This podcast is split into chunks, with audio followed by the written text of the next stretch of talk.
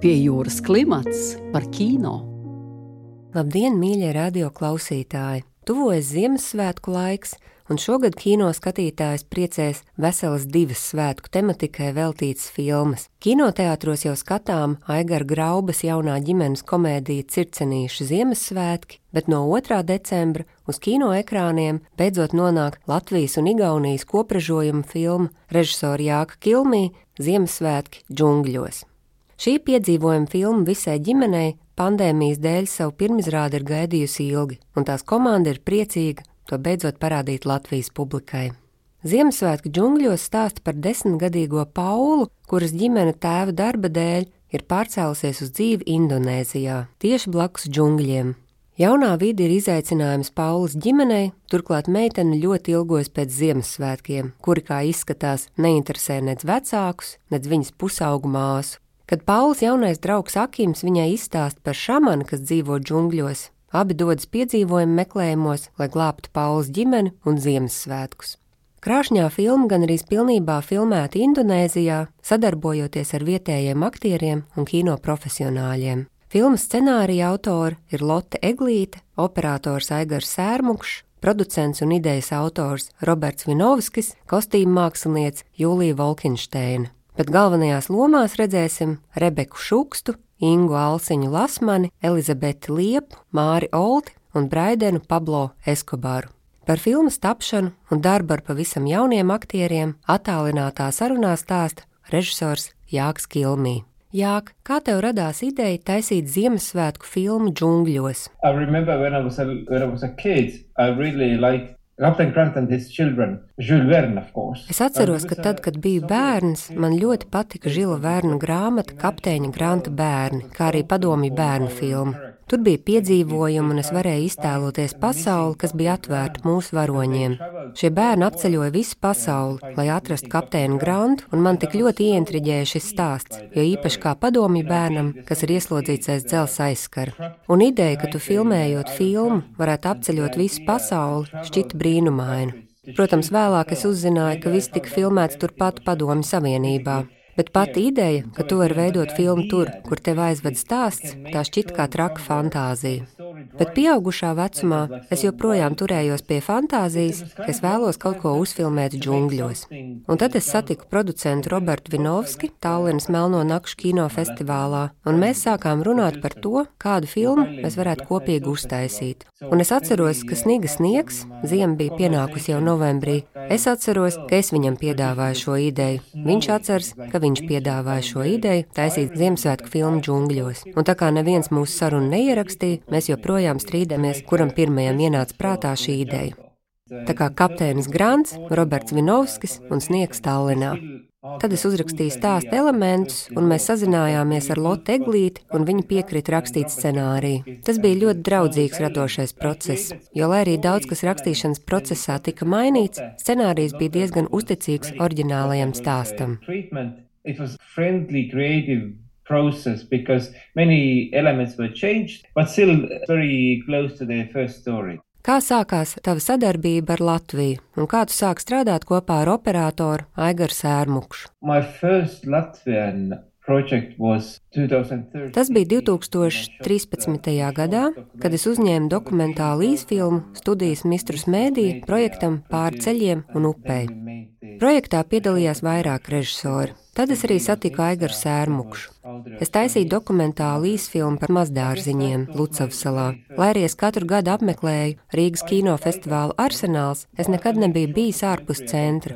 Tad producents Gins Grūbe man izstāstīja par savu ideju veidot dokumentālo filmu Spiegs, kurš mans tēvs.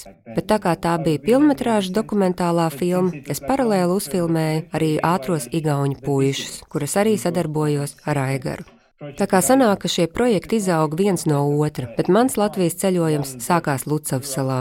Un vispār Lucavas sala ir gandrīz kā džungļi Rīgas sirdī.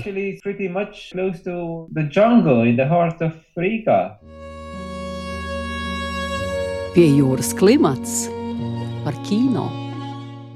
Kādas ir galvenās atšķirības veidojot filmu bērniem vai pieaugušajiem? Okay, story, Pirmkārt, stāsts, jo stāstam ir jāuzrunā bērni, jāpatur prātā sava mērķa auditorija, bet pati filmēšana īpaši neatšķiras. Tas, ka tā ir bērnu filma, nenozīmē, ka var haltūrēt, domājot, ka mazie skatītāji jau tāpat nepamanīs. Kā tu strādāji ar saviem mazajiem aktieriem, kur bija gan no Latvijas, gan Indonēzijas? Jūs komunicējāt angļu valodā? Rebecca, Rebecca Jā, un ar Rebeku Šukstu bija ļoti viegli. Viņa tekoši runāja angliski. Filmēšanas laikā viņai bija desmit gadi, un viņa bija ļoti profesionāla. Nebija valodas barjeras, un viņa bija simtprocentīgi gatava sadarboties. Mazliet citādāk bija ar mūsu indonēziešu puiku Braidenu Pablo Escobaru jo no sākuma mēs ar Robertu Naigaru aizbraucām uz Indonēziju, lai veiktu aktieru atlasi, un mēs neatradām īsto puiku, jo scenārijā Akims bija citādāks. Tad mēs satikām Braidenu, viņš bija smieklīgs, bet pavisam neatbild uzrakstītajam tēlam, kā arī viņam bija grūtības ar angļu valodu. Bet, kad mēs satikām citus bērnus, tiem bija vēl grūtāk ar angļu valodu. Bet tad es sāku domāt pretēji, un mēs nolēmām mainīt scenāriju, lai varētu iedot lomu tieši Braidenam Pablo. Un es iemācījos no šī aktieru atlases procesa, jo, ja tu atrodi aktieru, kurš tev patīk, ir ok pamainīt scenāriju. Un es uzskatu, ka mūsu filma no tā tikai ieguva.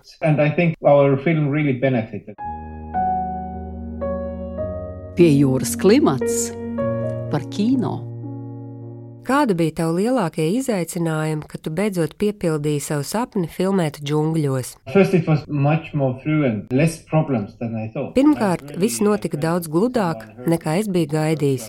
Es ļoti uztraucos, ka kāds sevi savainos džungļos, bet mūsu džungļi bija ļoti kontrolēti. Tie nebija Wernera Hercoga džungļi, kur tev aizved ar desmit litriem ūdens un bisēm, lai tu medītu sev ēdienu. Viss bija tieši tāpat kā jebkurā mūsdienīgā filmēšanā. Realitāte bija ļoti civilizēta. Un šī bija mana pirmā filma bērniem. Man pašam bija jāizveido savu metodi, kā komunicēt ar bērniem. Man pašam ir četri bērni, tāpēc man ir pieredze, kā viņiem likt darīt to, ko vēlos es. Bērnu audzināšana jau vispār ir tāda navigēšana starp tavām vēlmēm un kompromisiem. Bet filmas režisoram nevajadzētu iziet uz kompromisu ar aktieru vēlmēm, jo svarīgi ir īstenot savu ideju. Mana pieredze kā tēvam viennozīmīgi palīdzēja pat šajā pilnīgi svešajā kultūrā un vidē. Bet šie divi aktieri, Rebeka un Braidens Pablo, bija pilnīgi profesionāļi. Pēc tam man bija iespēja filmēt bērnu filmu Igaunijā ar pieciem bērniem, un viņi noteikti nebija tik profesionāli. Man bija pieci viesuļi un vēl filmas radošais process, ko kontrolēt. Tā kā šoreiz man bija jāpielāgo savu metodu, kā strādāt ar bērniem, man bija jākļūst stingrākam. Ar pieaugušiem aktieriem tu vari būt tu pats, bet ar bērniem režisoram ir jābūt autoritātei, kas zina visu. Viņiem ir pilnīgi jāuzticas tam cilvēkam ar scenāriju rokās, kam ir atbildes uz visiem jautājumiem. Ar bērniem tev ir vairāk jātēlo režisoru. Uh, Filmas pirmizrāde Covid pandēmijas dēļ tika vairāk kārt pārcelta, bet Ziemassvētku džungļos paspēja jau iznākt Igaunijā. Kāds bija Igaunijas skatītāja atsauksmes un ko tu vēlētos, lai Latvijas publika paņem no šīs filmas? In Estonia, we premiered it in the first year of pandemia. Igaunijā filma iznāca pirmajā pandēmijas gadā, un viss sākās labi. Bet tad uznāca otrais koronavīrusa vilnis, un skolu ekskursijas uz kino tika atceltas. Tas bija pirms diviem gadiem, un pasaule bija pavisam citādāka nekā tā ir tagad. Tā kā diemžēl pandēmijas dēļ filma neuzplauka tā, kā mēs cerējām, lai arī atsauksmes bija labas. Tā nav nopietna filma, tā ir pilna ar prieku un piedzīvojumiem. Es pats šo filmu veidoju ar lielu prieku, tā kā es ceru, ka mans prieks sasniegs skatītājus. Un vēl svarīgs ir valodas jautājums. Visautentiskāk labākā ir tieši starptautiskā versija, jo mums filma bija trīs valodās - latviešu, angļu un indonēziešu. Igaunijas tirguma filma tika dublēta igauniski, bet man tas bija mazliet dīvaini, jo scenārijs bija rakstīts šajās vairākajās valodās, un daudz kas pazuda tulkojumā. Dublāžas process šai valodu bābelē bija diezgan izaicinošs, jo tomēr stāsts ir par latviešu ģimeni Indonēzijā, un arī Latvijas versija ir dublēta latviski, bet ja tu taisi ģimenes filmu, tad dublāža ir viens no radošajiem kompromisiem, kuram jāpiekrīt. Tāpēc pirmizrādē mums būs seans divās zālēs, abām versijām - latviešu un starptautiskajai.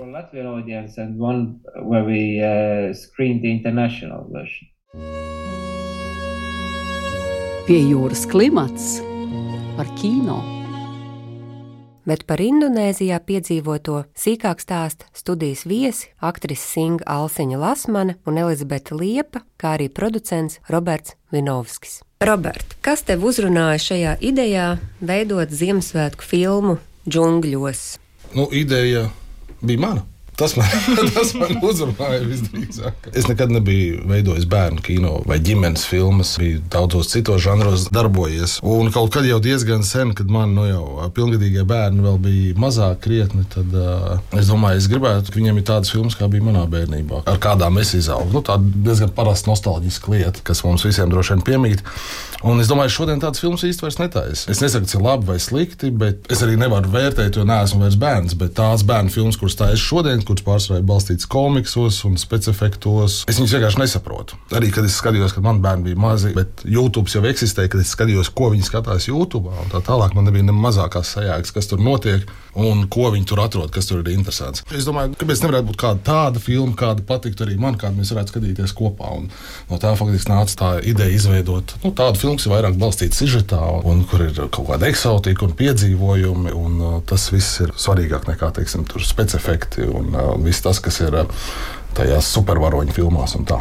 Un kāda jums, Inga, Elizabete, bija pirmā asociācija, kad jums piedāvāja piedalīties šajā projektā? Tieši šī kombinācija Ziemassvētki un džungļi. Un Indonēzija. Nu, protams, ka ir feini aizbraukt uz pilnīgi otru pasaules malu, bet nu, tā kā tā ir ģimenes filma, man nebija nekādas gaidas un nebija arī nekādas vilšanās tādā ziņā. Es domāju, viss bija ļoti feini un brīnišķīgi. Un man līdzīgi kā Robertam, es arī ļoti gribētu, lai bērni atrod to piedzīvojumu garšu tajā notikumā, tajā garajā notikumā, teiksim tā, nu, salīdzinot, teiksim, ar TikTok to mhm. pāris sekundžu video. Bet es domāju, tas nav kaut kas neiespējams. Nu, skaidrs, ka tur ir ar ko asociēties un uh, ir kur iet un ir ko domāt. Te jau mani kolēģi diezgan plaši izteicās, bet es laikam sākumā, kad es uh, vispār uzzināju, ka es ieguvu katru lomu šajā filmā, man vispār nebija laika domāt par to, kā tas tur būs, kur es tur būšu, wow, kā man te būs kaut kas jāfilmējas, man kaut kur redzēs. Līdz pat šodienai, līdz pat dienai pirms pirmizrādes, man pats joprojām nav aptvērs, ka es biju Indonēzijā, ka es biju nofilmējusies filmā. Jā, kaut kas. un tāpēc man pat nebija nekādu domu par to, jā, kā tur mums tagad eh, bērniem būs jauna filma, ko varēs skatīties. Man vēl projām ir grūti aptvert šo faktu. Jā. Es piekrītu, kaut kas tur tāds ir. Es arī laikam rītdien sapratīšu, o, oh, tiešām bija. Es nesaprotu, kā jūs to dabījāt gatavu. Bet tiešām, nu, tādā ziņā, ka aizbrauc un viss ir, viss notiek un ļoti raiti, un tāpat kā mums te būtu arī tur viss. Tā ir mākslinieca, atceros, viņai noteikti būtu citi stāsti, es atceros, ka viņa pa naktīm meklēja kaut kādas detaļas vai grima mākslinieca, kura nevarēja dabūt kaut kādas lietiņas, kas pie mums jebkurā mazajā bodītē, es nezinu, tirgu viņiem nebija tādas lietas, piemēram, nagulakas un tāda kultūras varbūt iezīme, ko viņi nelieto ikdienā, tādas neitrālas, teiksim, krāsiņas un tā. Visa tā grupas filmēšanas aizvešana uz turieni bija diezgan liels izaicinājums priekš producentiem, bet uh, tas bija viens no tiem uh, pamatu uzstādījumiem, ka mēs gribam filmēt eksotiskā vietā, tiešām īstos džungļos, lai tā piedzīvojuma garša būtu, un uh, nu, automātiski tas paredzēja aizvest vairāk kā 30 cilvēkus no Latvijas un Igaunijas uz īstiem džungļiem nu, sākumā paši bijām diezgan sabijušies, bet izrādījās, ka tas ir izdarāms. Tagad šī ir arī droši vien pirmā latviešu filma, kas faktiski pilnībā ir nofilmēta, izņemot pašu pirmo epizodi, kas ir Rīgā. Visa filma ir nofilmēta ārpus Latvijas, un tiešām nevis kaut kur blakus, bet, kā Inga minēja, pasaules otrā malā. Tas ir tiešām pavisam burtiski. Ja mēs paņemam globus, tad Latvija ir, ir šeit, un Indonēzija ir tieši globus otrā pusē. Varbūt vēl varētu mazliet pastāstīt tieši par šo producēšanas aspektu, tīri tehniski organizatoriskām lietām. Tas ir iespaidīgs projekts, kas ir īstenots. Kā jau minēju, protams, tās grūtības mēs paši priekš sevis visas izdomājām un radījām, lai pēc tam varētu ar viņām tikt galā. Un pats uzstādījums, ka ir jāfilmē džungļos, nu, mēs to nevarējām izdarīt eh, botāniskajā dārzā, kur mēs gan nofilmējām testus pirms filmēšanas. Tā kā mēs nevarētu nevienu vainot tajā, bet eh, jā, gribējās vienkārši darīt kaut ko tā, kā nav darīts līdz šim. Bet, protams, tas paredzēja ļoti daudz eh, grūtību. Mums bija jāatrod cilvēki, ar ko sadarboties jau Indonēzijā, kas varētu mūs uzņemt. Un bija arī liels cilvēku skaits no Latvijas, Igaunijas, kas devās turien, bet uh, vēl trīsreiz vairāk cilvēku uz vietas, kas piedalījās projektā no Indonēzijas puses. Nu, jā, mēs esam no atšķirīgām kultūrām un atšķirīgām mentalitātēm. Tā arī bija vajadzīgs kāds laiks, lai mēs pavisam elementāri iemācītos saprast, ko mums saka, un lai viņi saprastu, ko mēs sakām, ko mēs gribam. Tas viss tāda nu, sadarbība prasīja zinām laiku, lai tas mehānisms sāktu darboties. Bet tad, kad viņš sāka darboties, viņš Aha. darbojās ļoti labi. Pie jūras klimats par kino. Kā jūs veidojāt šo ģimenes dinamiku? Cik plašs bija jums pirms tam mēģinājuma process aktieriski, vai jūs vairāk sadzīvojāties kopā uz vietas Indonēzijā? Pirmais, laikam, mums bija Rīgā, jā, tā dzīvoklī pavisam, bet, nu, no savas puses man šķiet meitenes ir brīnišķīgas, jā, no Elizabete un Rebeka, tādā ziņā man nebija nekādas, mums te ledus laušana vai kaut kas tāds. Viss notika ļoti organiski un feini, un Māris, protams, arī, tā teikt, iemet jebkurā ūdenī viņu, viņš aizpeldēs, un līdz ar to, nu, un Jāks arī, es domāju, arī režisori tas, eh, es domāju, neapstrīdami. Viņš ir tas līderis, tas, kas satur to komandu. Un, ja viņš ir priecīgs un mēģina risināt kaut kādas lietas, viņš arī ir tā atslēga, kas slēdz to visu. Tā kā viss bija ļoti, man šķiet, feini un patīkami. Lai līdz tam nonāktu, bija diezgan garš castinga, eh, jeb tā saucamais aktieru atlases process. Cik bija un... ģimenes pavisam? uh, bija diezgan daudz, un īpaši bērnu tēva un mātes loma bija mazāk kandidāti, bet Jā. arī bija tā aktieru atlases sarežģītība, kāpēc mēs citreiz filmās sakām, ka starp šiem aktieriem ir ķīmija vai nav ķīmija. Es domāju, runa par kaut kādu veidu ticamību, kur tiek vērtēts nevis atsevišķs aktieris, cik viņš ir labs vai netik labs, vai izcils vai mazāk izcils, bet, ja filmā ir jāatveido ģimene, tad ir svarīgi, ka mēs kā skatītāji ticam, ka tā tiešām ir ģimene, ka šie bērni ir viņu bērni, nevis viņi ir aizņēmušies tos bērnus no kaimiņiem. Un, lai uz ekrāna tas tā darbotos, ir runa par aktieru ansambli, kas šajā gadījumā ir ģimene, vīrs, sieva un divas divas viņa meitas. Un, uh, es ceru, ka mums izdevās to ticamības efektu panākt. Es šķiet, provējos ar diviem vīriem vēl pirms tam. Mārcis Kalta izrādījās vispiemērotākais šai lomai. Un viņam tā arī bija attiecīgi debija kino. Viņš ir pieredzējis, ka viņam nebija bail no kameras. Viņš ir filmējies daudz, bet kino tā bija viņa debijas loma. Tā kā skatīsimies, kas būs tālāk.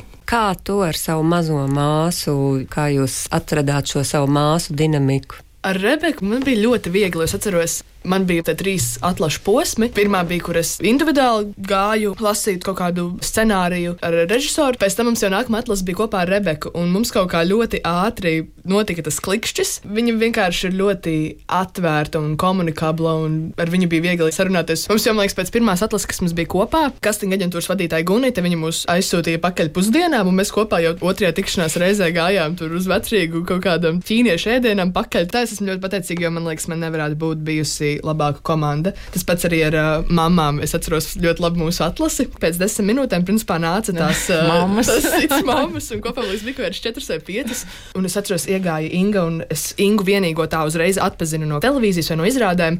Man bija tāds uztraukums par to, ka es esmu vienā telpā ar tik nozīmīgu cilvēku ar tādu vārdu. Un, viņa tur ir žurnālos, mana ome, kur lasa privāto dzīvi, viņa tur ir uz vāka bijusi. Bet es esmu ļoti pārsteigts, cik patiesībā visi bija atvērti un izpalīdzoši. Un man bija ļoti grūti Indonēzijā to mēnesi nodzīvot, jo es biju viena pati, neviena drauga, bez ģimenes locekļiem iemest pilnīgi jaunā, tā kā okeānā, jaunā sistēmā. Pirmkārt, jau arī pats filmēšanās process, kas man bija galīgi svešs, un tad arī viss cilvēku kultūra, viss. Bet Inga ir tik mātišķa figūra, un es man bija tik viegli viņu uzreiz pieņemt kā sevējo, kā tuvo cilvēku, un tas pats arī ar Rebeku un Māri. Jā, arī ar visu pārējo filmēšanas komandu, režisors vispār cepurnos. Es vispār tā mēneša laikā nejūtu nekādu stresu, nekur. Es saku, Jā. es nezinu, ko ko jūs tur tā teikt aizklausēs?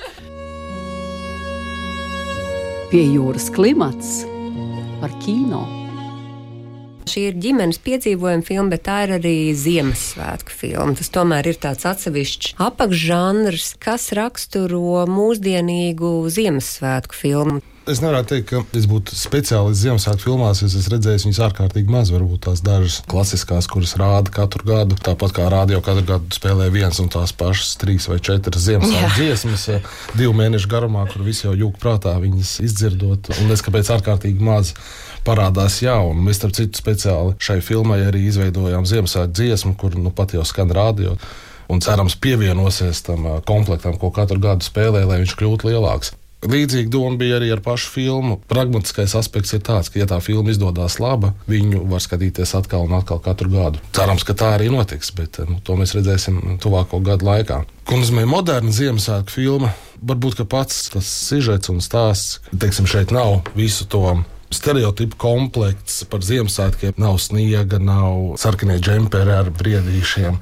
nav vesela virkne to attribūtu, kurus mēs saistām ar Ziemassvētkiem. Bet ir toties pilnīgi pretējais. Ir karstums, ir džungļi, ir palmas, ir iezemiešu ciltis džungļos. Savukārt visi tie attribūti, kas pieder kārtīgai tādai Indiana Jones tipa piedzīvojumu filmai. Un varbūt tieši šī kombinācija, kur kaut kādas lietas ir apgrieztas kājām gaisā, un varbūt arī tas slēpj sevī kaut kādu šo moderno elementu. Bet, protams, ka filmā paliek svarīgākais, kam ir jābūt Ziemassvētku filmā, ir stāsts. Un tas stāsts jau īpaši nemainās no filmas uz filmu. Labā nozīmē, es domāju. Man šķiet, ka tomēr personīgi es uz Ziemassvētkiem man laikam patīk tā tradīcija, ka viss ir tāds salīdzinoši maigs, ka ir tās melodijas. Restīvi tā gaisotne ir diezgan tradicionāla. Un man šķiet, ka cilvēki kaut kā to sagaida.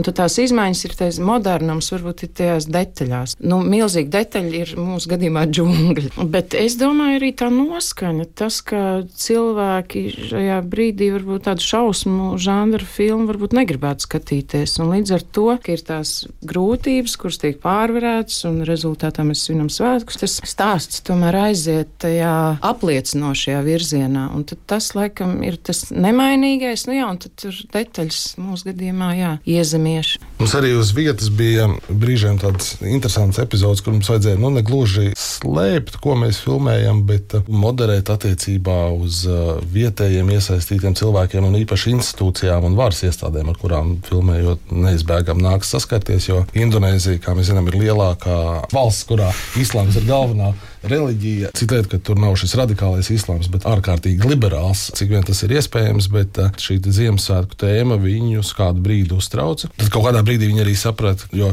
Ziemassvētku tomēr ir viena no tiem svētkiem, kas ir arī ārkārtīgi sekulāri un kurus svin visā pasaulē, ne tikai kristieši un tikai neliela sabiedrības daļa varbūt šo svētku atzīmē kā reliģiskus svētkus. Bet par to, protams, tur tāda mazliet bija jāsaprot, kā ar situāciju tikt galā. Elzbiet, vai tev ir kādas iemīļotas Ziemassvētku filmas? Nu, man liekas, ka jebkuram latvietim, kad katru gadu decembrī sāk rādīt viens pats mājās, tā mums ir arī kā tradīcija katru gadu to skatīties mm. kopā ar ģimeni. Bet, uh, Es, ja godīgi, neesmu tāds liels fans citām Ziemassvētku filmām, jo man liekas, vienkārši tās, ar kurām es esmu saskārusies, mani nav aizķērušas. Piemēram, arī platforma Netflix katru gadu ap šo laiku tiek izdotas 50 jaunas kaut kādas romantiskas Ziemassvētku filmas ar vienu to pašu stāstu. Nav galīgi nekā jauna, kas varētu mani ieinteresēt. Bet, jā, es nevaru sagaidīt redzēt šo filmu, jo man liekas, šis varētu būt kaut kas jauns. Iespējams, šī varētu kļūt par nākamo tādu mūsu ģimenes tradīciju arī. Jūs varētu sākot no šiem Ziemassvētku vecākiem kādu gadu noskatīties šo filmu. Kas raksturo, jūsuprāt, labu ģimenes filmu? Tur nav gluži jācenzē nekas, ka visi vecumi paņem kaut ko sev, ka vadlīnijas spēja aizkustināt visas šīs paudzes teiksim, tas, kas jānolasa pieaugušiem, viņi spēj to nolasīt, bet bērniem tas nav varbūt traumējoši. nu, no mūsdienu psihoterapijas stadija. Manuprāt, tas bija vēl viens tāds no savā ziņā mēģis, ko mēs kā filmas veidotāji sev izvirzījām. Izveidot stāstu, kurš ir eh, gan vienkāršs un saprotams gan pieaugušiem, gan bērniem, bet tas ir viens un tas pats stāsts. Tur nav dubults stāsts. Tas, kas man personīgi ārkārtīgi nepatīk, eh, un īpaši tas attiecās uz lielu animācijas studiju ģimenes filmām, kur it kā tiek veidot vairāk šie sižeti, kur viens ir tāds ļoti naivs un priekš bērniem, un tad paralēli ir kaut kādi jociņi ar politisku vai seksuālu zemtekstu vai kaut kas tāds, kas ir domāts pieaugušajiem, un tas viss ielikts vienā katlā. Jā, nu, man personīgi tas nepatīk, tāpēc mēs mēģinām veidot stāstu, kur šis stāsts ir viens un tas pats. Skaidrs, ka bērni un pieaugušie viņu uztver atšķirīgi, bet tur nav dubults stāsts. Un, um, attiecīgi, filma ir tāda, ko var skatīties bērni kopā ar vecākiem vai vecāki kopā ar bērniem, vecvecākiem un uh, šādā ziņā universāls. Liekas, šis bija ļoti, ļoti labs atbildes. Es arī piekrītu tam, ka ģimenes filma noteikti ir kaut kas tāds, ko var skatīties jebkura paudze, un tur nebūs nepiedienīgas lietas, kaut kādas, kas eh, bērniem varētu atkal viņus kaut kā ietekmēt, bet arī tajā pašā laikā pieaugušiem būtu interesanti. Jo ļoti daudz arī, man liekas, it kā bērniem tēmētās filmas. Es pat neesmu tik tālu no bērnu vecuma. Es viņus skatos, nesaprotu, tur vispār nav nekāda konteksta, tur nav nekādas domas apakšā. Tāpēc man liekas, mērķis labai ģimenes filmai varētu būt, lai katrs cilvēks, jebkurā vecumā, varētu kaut ko no viņas paņemt, kaut ko atrast, kas viņam piesaistītu uzmanību. Jā. Paldies jums par sarunu! Paldies, Mārta! Paldies!